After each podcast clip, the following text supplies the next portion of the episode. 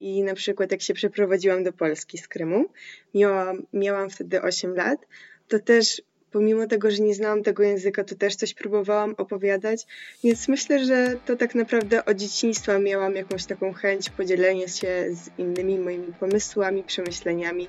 Zapraszam do podcastu Rozwój Osobisty dla Każdego.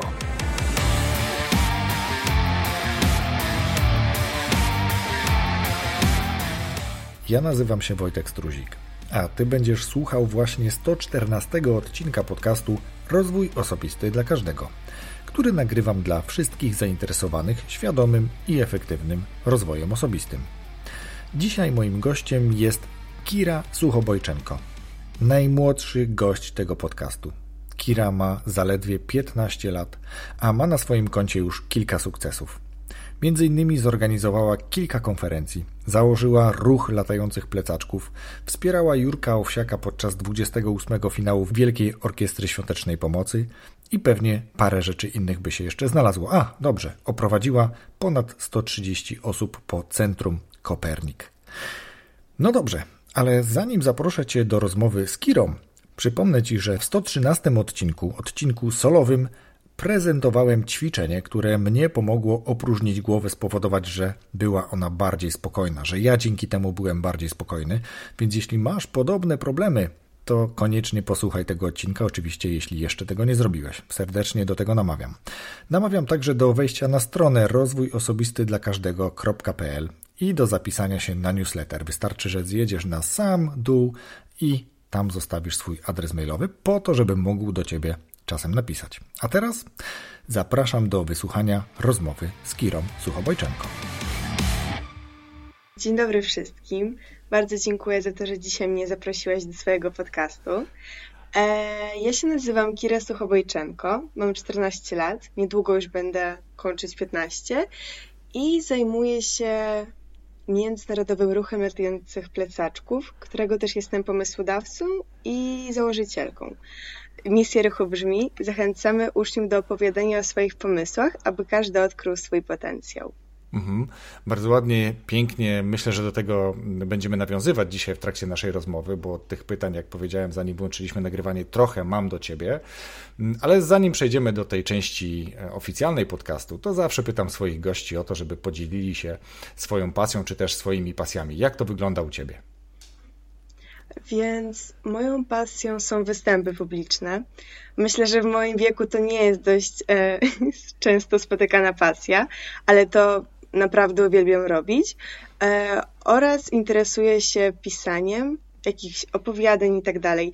Co prawda nie napisałam książki, mam w planach, ale jeszcze nie napisałam, ale dla siebie piszę jakieś krótkie opowiadania i na przykład dla pani od polskiego. Mhm. Świetnie, dobrze, to tu wykorzystam cię przy okazji, bo może wiesz, może nie wiesz, ja prowadzę również drugi podcast, bajkowy podcast, w którym czytam bajki dzieciom, więc jeśli te treści, które piszesz są takimi treściami, które mogą być przyswojone przez dzieci e, i zalegają w twojej szufladzie, podziel się tym, ja e, przeczytam i chętnie podzielę się w bajkowym podcaście. A, Jasne. A teraz, Dziękuję bardzo. Super. A teraz idąc dalej, powiedz Kira, jak ty widzisz, jak ty rozumiesz rozwój osobisty? Mm, więc moim zdaniem rozwój osobisty, no to wiadomo, to jest jakby nasz rozwój, co my robimy po to, żeby się e, rozwinąć. Nie wiem za bardzo, jak to mogę sformułować, ale to jest coś, na przykład jak czytamy książki, to się rozwijamy. Jak słuchamy jakichś wywiadów, to się rozwijamy. Nie wiem do końca, jak mogę zinterpretować właśnie rozwój osobisty, okay. no ale to jest nasz rozwój. Co my robimy po to, żeby na przykład może więcej się rozwijać, więcej umieć, więcej wiedzieć. O właśnie. I to jest myślę taka bardzo ciekawa puenta. Więcej umieć, więcej potrafić, więcej wiedzieć po to, żeby no kiedyś w życiu było nam w związku z tym łatwiej, tak bym e, to e, dokończył, zamykając taką klamrą. Dobra, Kira, masz prawie 15 lat. E, jesteś osobą już rozpoznawalną. Byłaś zaproszona przez Jurka Owsiaka, masz filmów na swoim profilu całkiem sporo, na swojej stronie, mm, fanpage'u chyba tak naprawdę powinienem powiedzieć, Fundacji Latających Plecaczków dużo.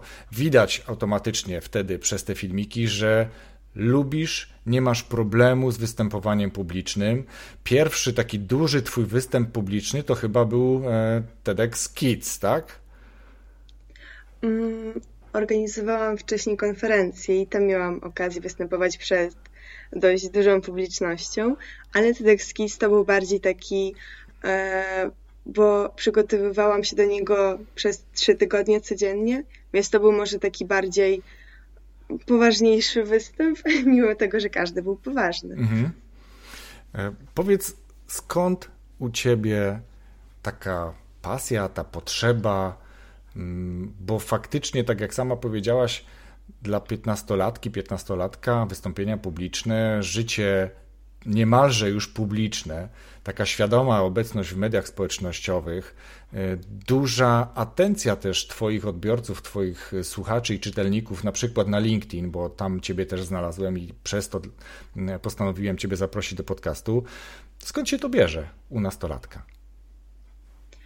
Yy, czyli skąd mam takie w ogóle chęci, tak?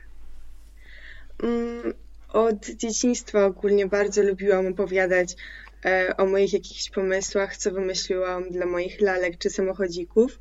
E, później dalej zaczęłam to rozwijać i na przykład jak się przeprowadziłam do Polski z Krymu, miałam, miałam wtedy 8 lat, to też pomimo tego, że nie znałam tego języka, to też coś próbowałam opowiadać, więc myślę, że to tak naprawdę od dzieciństwa miałam jakąś taką chęć podzielenia się z innymi moimi pomysłami, przemyśleniami.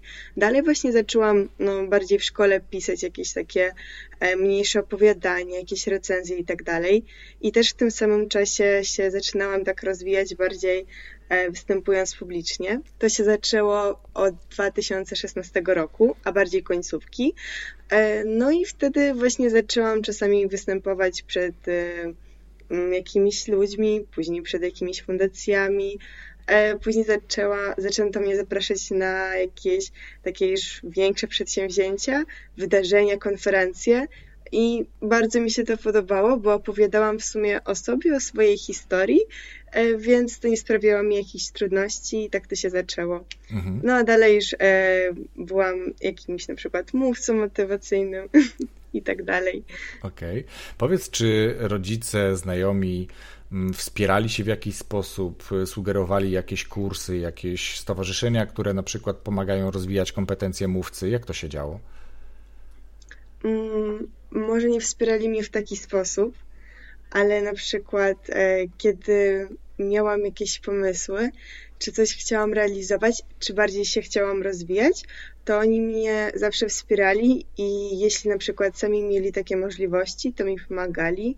Też na przykład opowiadali swoim innym znajomym, którzy organizują, organizują jakieś konferencje, że na przykład no, znają mnie i ja bym mogła tam wystąpić.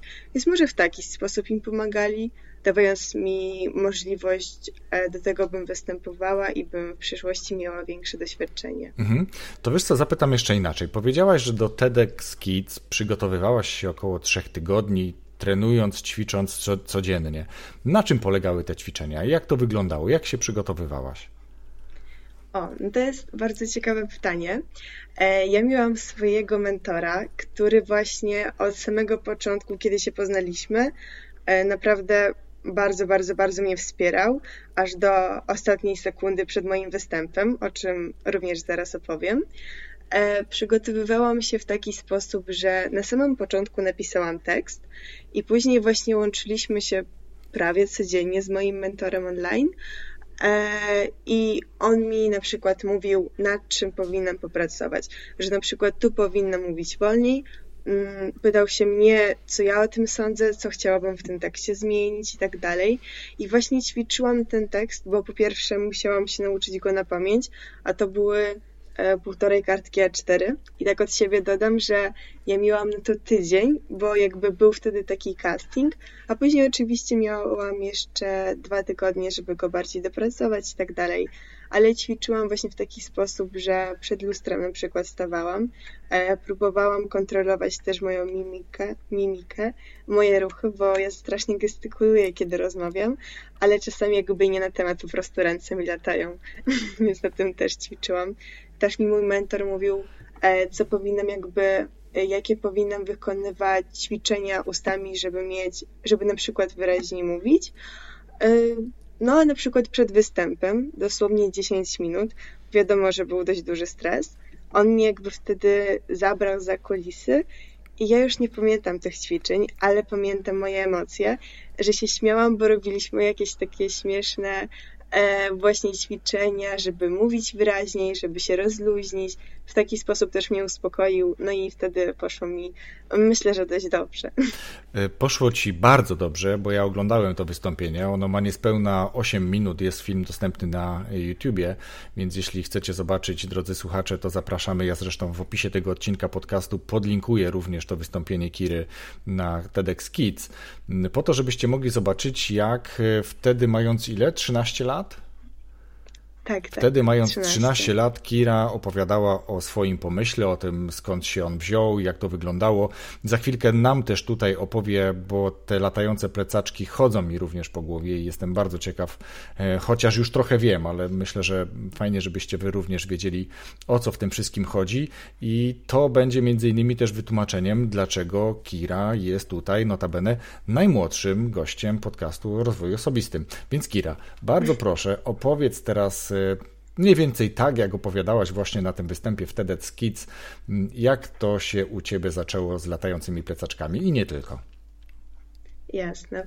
Więc wszystko się zaczęło od tego, że pewnego dnia, pod koniec właśnie 2016 roku, zadzwoniła do moich rodziców ich koleżanka i opowiedziała nam o tym, że wystartował taki konkurs Dzieciaki Startupy e, dla dzieci wieku od 4 do 13 lat.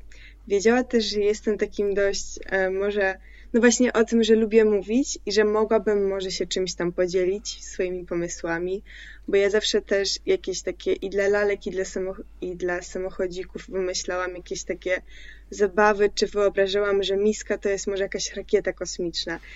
Więc e, z kreatywnością, kiedy byłam mała, u mnie problemów raczej nie było. E, no i oczywiście się zgodziłam. I kiedy jechałam metrem do tej koleżanki, a miałam wtedy na sobie ciężki plecak, to zauważyłam stojącą obok mnie dziewczynkę z takim ładnym, kolorowym balonikiem. Nie pamiętam dokładnie, jaki ma, miał kształt, ale to był taki zwykły balonik z helem, e, taki, jakie rozdają na Starym Mieście, czyli coś w kształcie, coś w stylu kształtu świnki Pepy, myszki Miki pomyślałam, że co by było, gdyby do takiego szkolnego plecaczka włożyć albo pudełko z helem lub innym podobnym gazem, albo na przykład takiego balonika. I opowiedziałam, i opowiedziałam o tym pomyśle mojej koleżance. Spodobał jej się i zaczęłyśmy nagrywać. I już kolejnego dnia opublikowałyśmy to nagranie na stronie konkursu i już na początku właśnie zebrało bardzo dużo polubień. A że w konkursie uczestniczyło około 80 osób, to konkurencja była dość duża, ale udało mi się wygrać nagrodę i nigdy nie umiem wymówić tego słowa internautów, e, czyli Pięknie. że osoby jakby online na mnie głosowały. Nie pamiętam ile miałam głosów, ale pamiętam, że tysiąc, dwa tysiące albo trzy tysiące ileś. E, no i właśnie nagrodą był taki rodzinny bilet do Centrum Nauki Kopernik. I dla osób, które nie wiedzą, jest to takie centrum, naprawdę dla osób w każdym wieku, zarówno dla takich mniejszych, młodzieży, e, trochę starszych i nawet jeszcze starszych, bo tam każdy znajdzie coś dla siebie, bo tam jest naprawdę mnóstwo atrakcji i nawet jednego dnia nie wystarczy, żeby zwiedzić to wszystko.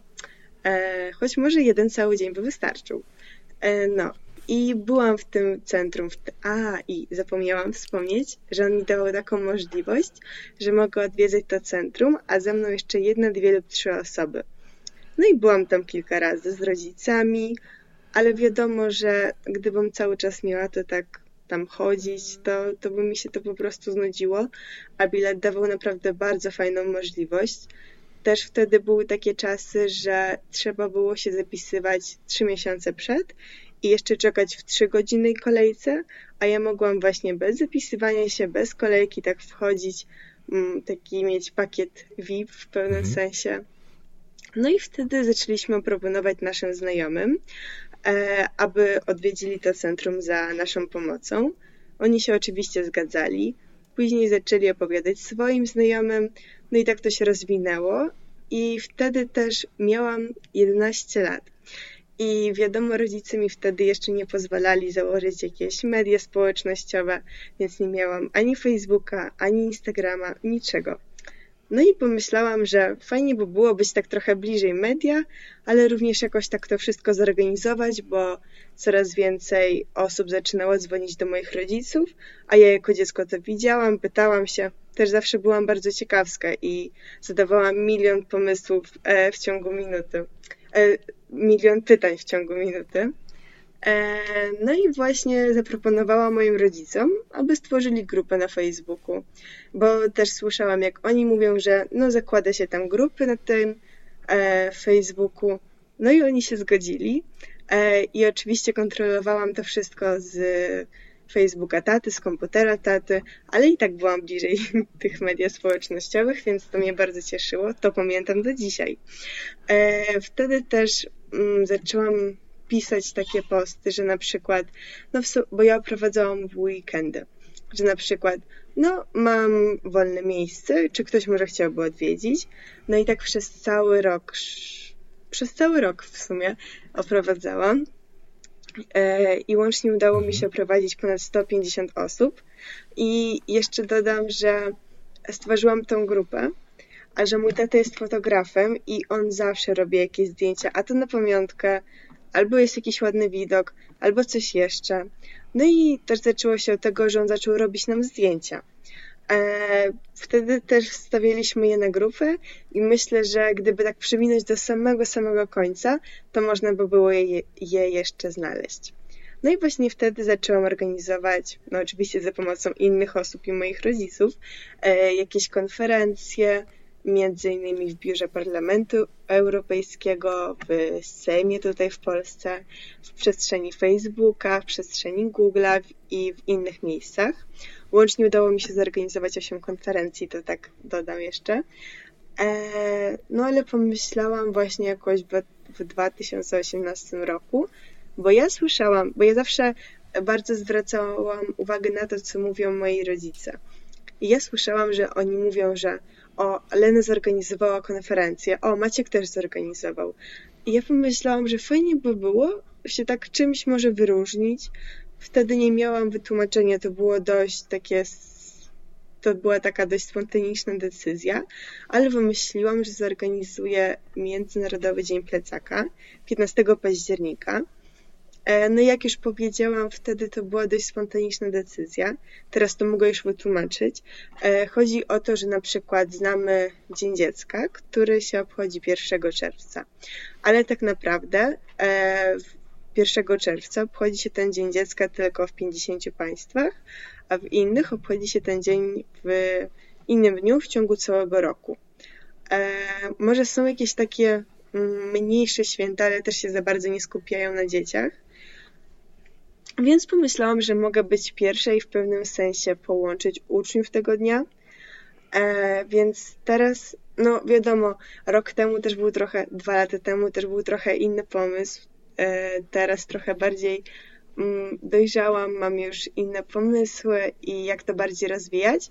Więc teraz tego dnia proponuję szkołom, aby dawały możliwość i przestrzeń swoim uczniom do tego, aby się dzielili swoimi pomysłami, historiami, marzeniami i pasjami. I to jest może taki główny temat tego, ale najfajniejsze jest to, że tego dnia szkoły same coś od siebie dodają, żeby to rzeczywiście było e, obchodzone jako święto, ten dzień. Na przykład niektórzy wymyślają, że pokażą, co mają w plecaku. Niektórzy stawiają jakby plecak na wagę i pokazują, ile ważą plecaki w ich klasie.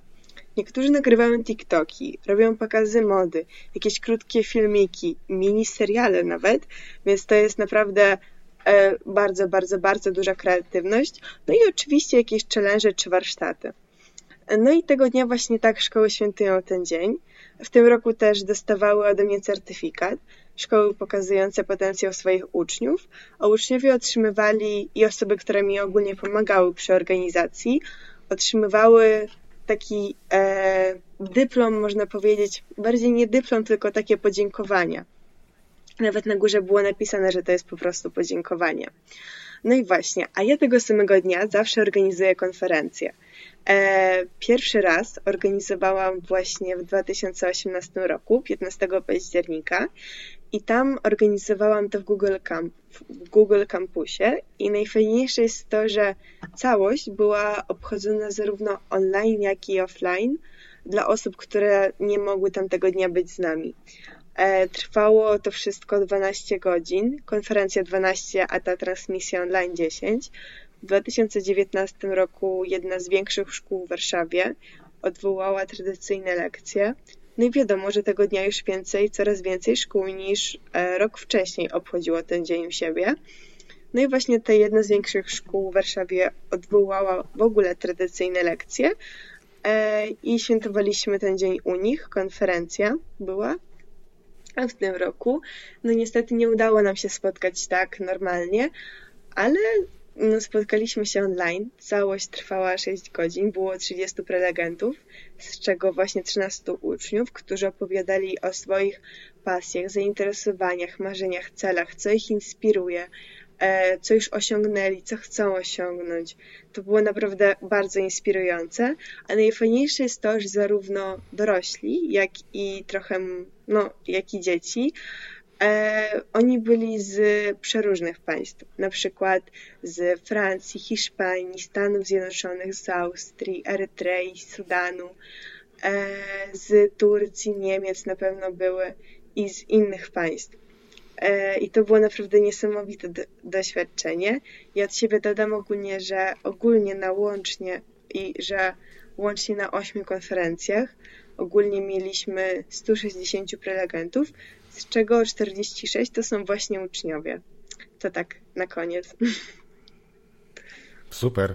Brawo, Kira. To jest jakby coś, co mm, e, słucham i jak widzisz, nie przerywam, e, po prostu słucham z osłupieniem, z wielkim zainteresowaniem, e, bo jestem jakby pełen podziwu do tego, co robisz i chciałem Ciebie zapytać, zanim przejdę do innych pytań jeszcze, jak się z tym czujesz? Jak się z tym czuję? Zawsze, kiedy odpowiadam w ogóle na te pytania, prawie zawsze mi mówią, ale ty tak o tym spokojnie mówisz, gdyby to było coś normalnego. No, zorganizowałam 8 konferencji, codzienność, coś w tym stylu, ale tak naprawdę jak się z tym czuję, ja jestem naprawdę bardzo dumna i zadowolona z tego, że wszystko, to wszystko udało mi się osiągnąć, ale oczywiście od siebie też dodam, że to nie jest tylko moja zasługa. Moi rodzice bardzo mnie wspierają, moi przyjaciele też bardzo mnie wspierają, plus też na przykład osoby z LinkedIna. I to tak, może taki przykład dam. W tym roku, kiedy wysyłałam list do szkół, e, łącznie nad nim pracowało 11 osób, plus 8, które tłumaczyły na inne języki. I plus ogromna ilość osób, która wysyłała to na przykład do szkół swoich dzieci, czy do swojej szkoły. Więc, mm, więc otrzymując właśnie taką motywację, inspirację i pomoc, wierzę, że to, co robię, to jest naprawdę coś wow i wtedy to nie, jest, to nie sprawia mi jakoś specjalnie takich dużych trudności. Mhm.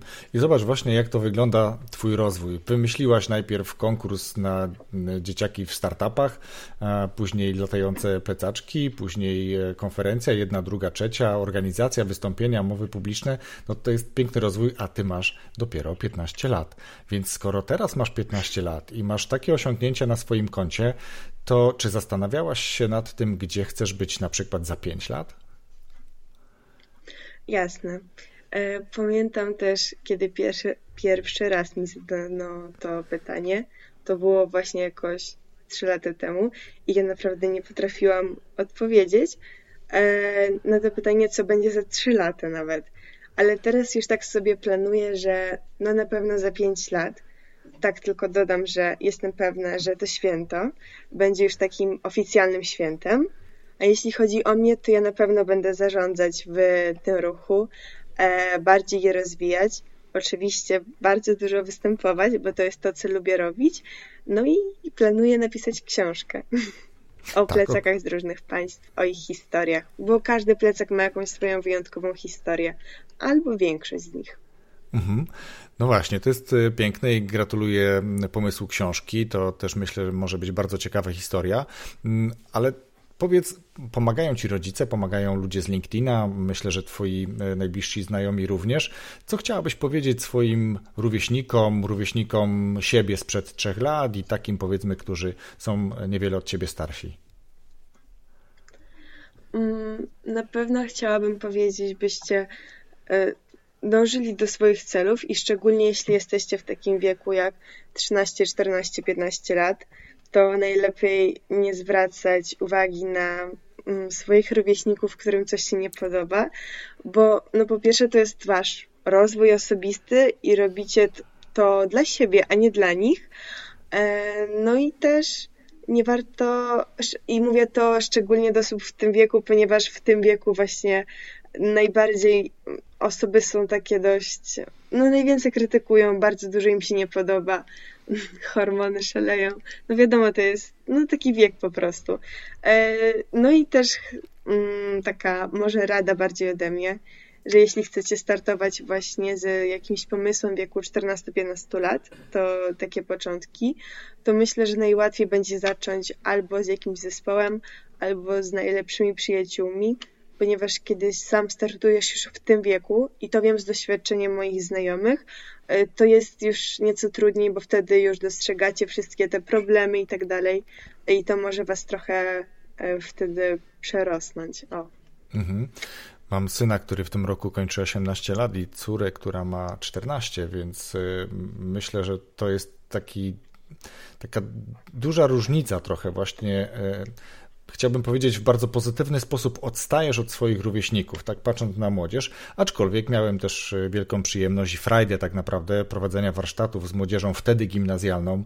Uczyłem ich występowania publicznego, pokazywałem na co zwracać uwagę, stąd jakby bardzo spodobało mi się twoje wystąpienie i takie e, świadome wystąpienie. No, widać właśnie rolę i, i pracę tego mentora i to też jest bardzo istotne moim zdaniem, że zdecydowałaś się lub ktoś doradził tobie wsparcie takiego mentora, czyli osoby, która ma już doświadczenie, która potrafi ci pomóc, potrafi przed samym występem na przykład rozładować stres, przekierować twoją tą energię na zupełnie coś innego, żebyś nie myślała o tych nerwach, o czym sama powiedziałaś, więc to jest też mm, bardzo no tak. super.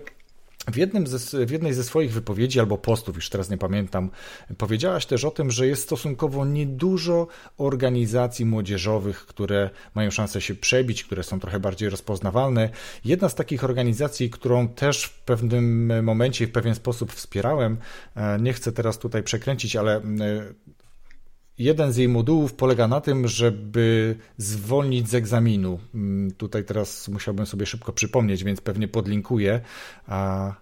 Podlinkuję, podlinkuję. Dobra, podlinkuję, bo się zaraz pogubię. E, ale to było mm, też, też przez młodzież, tylko to była młodzież już szkół średnich i, i, studentów też organizowali konferencje, też zapraszali e, gości, też miałem okazję być prelegentem na takim wystąpieniu i podziwiałem to, w jaki sposób oni sprawnie cały proces organizacyjny przeszli.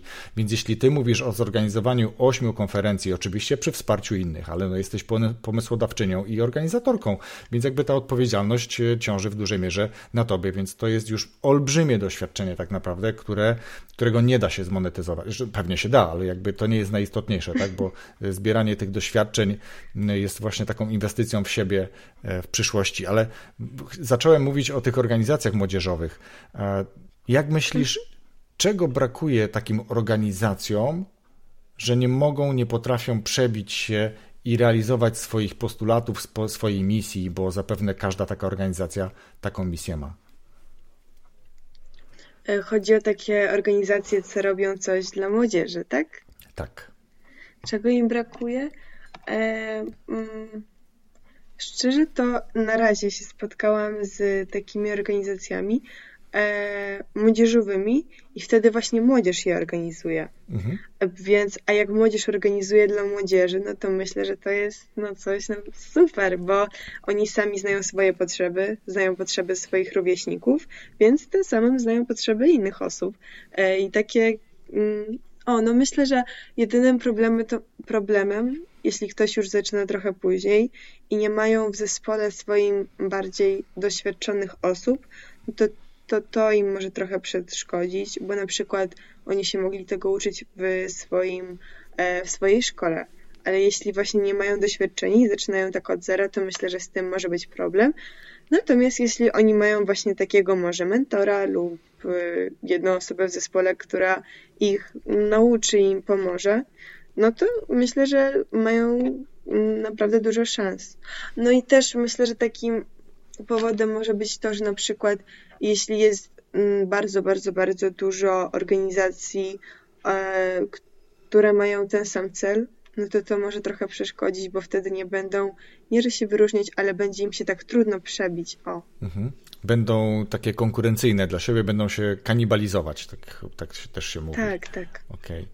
E, ja jeszcze tak bym e, podpowiedział ze swojej strony. Być może nie przyglądałem się zbyt dokładnie, ale wydaje mi się, że tutaj właśnie kluczowe jest e, umiejętne dotarcie do potencjalnych odbiorców, patronów i osób wspierających, bo takie osoby i, i, jakby działanie medialne, które ty zaczęłaś też bardzo wcześnie i, i, pięknie rozwijasz je na LinkedIn w ogóle, tutaj tak na marginesie wielkie brawa, to to jest właśnie myślę też klucz do sukcesu, bo gdybyś nie komunikowała tego w żaden sposób, mówię tutaj o tej swojej, o tej fundacji jakby tych latających plecaczków, o tym pomyśle, e, nie mówiła o tym właśnie przez TEDx e, Kids, nie mówiła o tym w swoich postach na LinkedInie, w swoich wideo na, na LinkedInie czy na grupie facebookowej, o której mówiłaś, to mało kto by wiedział. I wtedy na przykład Jurek Owsiak nic o tobie nie wiedząc, nie zaprosiłby ciebie, żebyś w 30 sekund powiedziała, czym są latające plecaki. A to była niesamowita możliwość dotarcia do, no chyba milionów tak naprawdę widzów, bo ta relacja była przecież w telewizji wtedy mm, udostępniana. Więc to jest takie, no tak. myślę, słowo ode mnie, że w przypadku, kiedy chcemy coś e, jakby osiągnąć poprzez działanie takiej organizacji, to trzeba znaleźć pomysł na to, w jaki sposób dotrzemy do osób, które potrzebują tego wsparcia, ale też do osób, które w tym mogą nam pomóc, prawda? Co myślisz? Tak, tak. Ja się zdecydowanie zgadzam. I jeszcze się tak odwołam do tego e, występu właśnie u Jurka Owsiaka na Wośpie, to była dość taka ciekawa historia. Tak od siebie dodam, bo tak mi się przypomniało i chciałabym się podzielić. No bo mamy tym, za chwilę 29 że... finał, prawda? Tak, tak, już za chwilę. No super. To, co robi Jurek Owsiek, to jest naprawdę super. Eee, no i właśnie wracam, wyszłam dosłownie sobie ze szkoły, a ja mam szkołę bardzo blisko domu. I dzwoni do mnie tata, coś w stylu, że mam szybko wracać do domu. No i się tak trochę przestraszyłam, no i wracam do domu, wchodzę, a mój tata mi mówi, że do mnie Jurek Owsiak napisał. E, no i tak sobie sprawdzam, że e, zapraszamy Cię na 28 finał WOŚP i tak dalej. Ja byłam pod wielkim wrażeniem i to w ogóle było niesamowite doświadczenie. I też tak e, pamiętam, jak tam przyszłam. Wydaje mi się, że to był jeden z tych dni, kiedy tak się stresowałam, że po prostu wow, tam było tyle osób i jeszcze tam myśl, że zaraz stanę przed e, Jurkiem Owsiakiem i będę musiała coś powiedzieć o moim ruchu, a najfajniej, najciekawsze jest to, że ja dosłownie cały czas e, była tam zmiana czasu, że na początku miałam występować chyba dwie minuty, później minutę, później 15 i w końcu mia miałam 30. Więc to jest też taka rada ode mnie, żeby być zawsze przygotowanym na wszystko. E, no i ale mimo wszystko to było, to było po prostu niesamowite doświadczenie. O, i pamiętam, że też wtedy po tym występie dostałam powiadomienie na Snapchacie od mojej koleżanki z klasy, z którą też jakoś specjalnie kontaktu nie miałam i wysłała mi właśnie takiego snapa, że e, tam jest nagranie mojego występu i napisała, że specjalnie czekałam na twój występ. To było super uczucie, bardzo mi się miło zrobiło. I to jest chyba, słuchajcie, też taka bardzo mm, ciekawa, e, bardzo takie właściwe chyba miejsce, żeby powiedzieć, że nawet nie zdajemy sobie sprawy, e, jak wiele osób wspiera nas, niekoniecznie to komunikując, ale gdzieś trzyma, gdzieś tam za nas kciuki w środku, jakby wiesz, bardzo mocno mentalnie liczy na to, pomaga nam, e, żebyśmy zrealizowali ten cel, tak jak ta koleżanka, która wysłała do ciebie snapa, że bardzo na to liczyła i bardzo ci dopinguje. I to jest też super. To by się też czasami przydało pewnie wcześniej, prawda? Byłoby łatwiej, bo w porównaniu do Twojego występu na TEDx Kids i do tego właśnie występu bardzo spontanicznego i na pewno bardziej stresującego, no widać tą różnicę, widać stres. Nawet chyba miałeś bardziej zachrypnięty głos, kiedy Jurek Owsiak e, pytał, co to są te latające plecaki. E, te materiały, słuchajcie, są dostępne w internecie, można je znaleźć i zachęcam do tego, żeby je zobaczyć, bo tam będzie widać tą wielką pasję, która jest w Kirze i o której e, tutaj z nami, czy Wam opowiada, a ze mną o niej rozmawia. No tak, tak. Ja również zapraszam. I co do tego zachrypniętego głosu, ja pamiętam, że tak mi się teraz przypomniało, jak e, powiedziałeś. Dosłownie może 5 minut, e, 5 dni przed moim występem coś mi się stało z gardłem i ja prawie dosłownie straciłam głos. Ja od dzieciństwa ogólnie mam taką chrypę, jak myślę, że słychać, bo teraz na przykład z moim gardłem jest wszystko ok, ja mam mimo wszystko taką chrypę trochę. No i wtedy coś mi się stało z gardłem i ja się tak strasznie martwiłam tym, że e, mogę nie wystąpić i tak może to było nawet nie, że coś mi się stało, tylko kiedy byłam młodsza, to też może to jest e, taka rada, żeby Mm, zauważyć na to, jak nasze ciało reaguje na coś. I zawsze, kiedy miałam gdzieś wystąpić, to jakimś cudem albo zaczynała boleć mnie kostka, albo traciłam głos. I kiedy w końcu, a mi cały czas rodzice na to zwracali uwagę, a ja tego po prostu nie widziałam. I pewnego dnia, kiedy zdałam sobie sprawę z tego, że tak rzeczywiście jest, to to się tak nagle skończyło po prostu. I to było właśnie, wydaje mi się, że to było po występie u Jurka Owsiaka na tym wośpie. Więc mhm. to jest też taka może ciekawostka i o tym jeszcze wcześniej nigdzie nie mówiłam, więc... Super, no to świetnie. No to goście, e, słuchacze podcastu mają teraz e, premierę e, twojej takiej rady, żeby po prostu mieć tego świadomość i wtedy to przestaje dokuczać. Ja jeszcze tak chciałem powiedzieć a propos tych 30 sekund u Jurka Owsiaka, że jest generalnie taka, taki zwyczaj, taki zwrot nawet, to się nazywa elevator pitch. Nie wiem, czy słyszałaś o tym?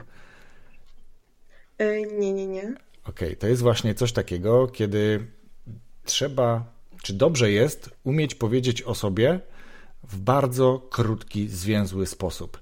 Ty miałaś doświadczenie już, czy jakby doświadczyłaś tego właśnie, kiedy Jurek Owsiak powiedział, a teraz masz 30 sekund i powiedz, tak?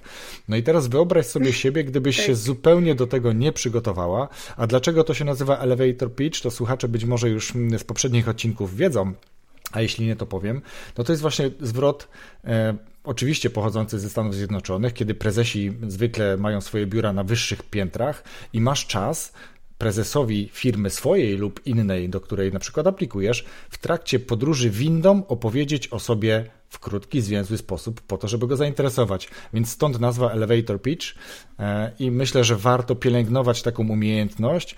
E, to też my też bardziej trochę rozumiemy na stronach internetowych e, twórców, blogerów, czy też mojej na przykład, jest kilka zdań o mnie. I to jest właśnie coś w rodzaju elevator pitch. To jest krótka wypowiedź na temat tego, kim jestem, co robię i czy to jest napisane w sposób interesujący i zachęci na przykład od, odwiedzających stronę do tego, żeby poszukać innych treści jeszcze. Więc jeśli nie wiedziałaś, to cieszę się, że mogłem podzielić się tutaj e, tym z Tobą i zachęcić do tego, żebyś na przykład pielęgnowała, bo kto wie, kiedy Jurek Owsiak lub inna e, persona zapyta Ciebie, no dobrze, powiedz mi, mam 30 sekund, e, co chcesz ode mnie, prawda?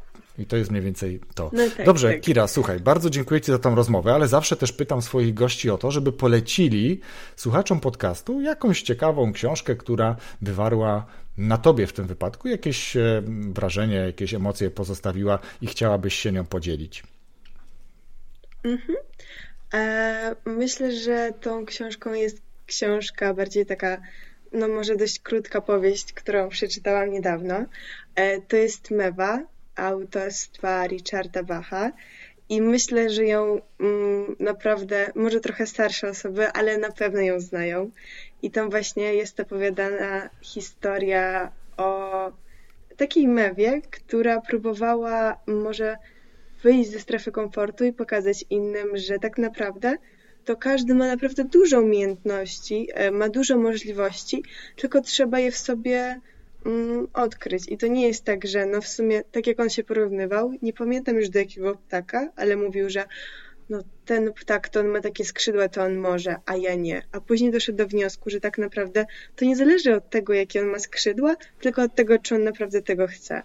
No i tam też y, się przydarzyła historia, że właśnie został wykluczony ze swojego społeczeństwa przez to, że próbował pokazać innym, że są, że mogą o wiele więcej, ale to właśnie nie przez te inne mewy, tylko przez e, ich wodza.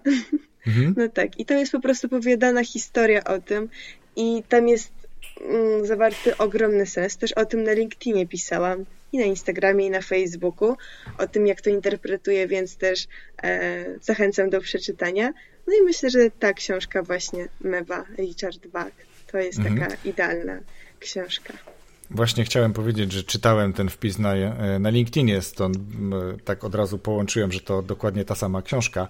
I to też mi się bardzo podoba. Ja tej książki sam jeszcze nie czytałem, natomiast e, bardzo lubię, kiedy e, przenosi się pewne ludzkie cechy na zwierzęta, po to, żeby nam w trochę taki bardziej ciekawy, obrazowy sposób e, pokazać nasze jakieś niedogodności, nasze, nasze słabości, być może właśnie zachęcić nas do tego, żeby się rozwijać. E, na przykład gość dzisiejszego odcinka, bo nagrywamy w piątek i dzisiaj była premiera rozmowy z Jackiem Kotarbińskim, który E, w bardzo ciekawy sposób, i to zdanie bardzo mi się spodobało, powiedział o tym, że mm, osoby, które tworzą, e, które próbują sprzedawać w internecie, które budują swoją markę, powinny traktować swoich, e, swoją społeczność, swoich potencjalnych klientów nie jak gęsi, które chcą oskubać, ale jak kury, które znoszą złote jajka. Więc znowu odniesienie do zwierząt, znowu odniesienie. Bardzo je lubię, chociażby może dlatego pewnie też, że, że czytam bajki w bajkowym podcaście i tam jakby dużo, dużo, bardzo dużo jest różnych zwierząt, od myszek, niedźwiedzi przez smoki. Eee, i, I to jest też bardzo ciekawe, bo nawet w bajkach od smoków możemy się czegoś nauczyć. To taka puenta. Kira, na koniec pytam też gości, gdzie chciałabyś odebrać jakiś kontakt, gdyby ktoś właśnie chciał Cię zaprosić na jakąś konferencję, na jakieś wystąpienie albo po prostu o coś cię zapytać. Jakie medium wtedy polecisz? Mhm. Najbardziej jestem aktywna na LinkedInie, e, lecz jeśli powiem, byście wpisali Kira Suchobojczenko, to nie wiem, może się pojawić pewien problem. Więc to ja, to ja podlinkuję, podlinkuję twój profil w opisie tego podcastu, będą mieli ułatwioną sprawę. Jasne, ale można wpisać Międzynarodowy Ruch Latających Plecaczków i tam powyskakuje dużo linków i na Facebooka, na LinkedIna, albo do jakichś innych wywiadów, gdzie też będzie właśnie załączony link do moich social media, więc tam można znaleźć. Mhm. No tak, bo w ostatnim czasie też miałaś okazję gościć u, myślę, wielu ciekawych osób jako gość, tak jak dzisiaj, gość tego podcastu. Tak, tak, tak. Rozwój osobisty dla każdego.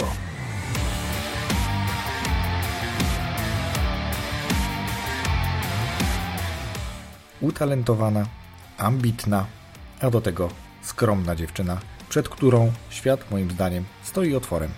Będę przyglądał się dalej rozwojowi jej kariery, jej rozwojowi jako takiemu i jestem ciekaw, dokąd ją to zaprowadzi.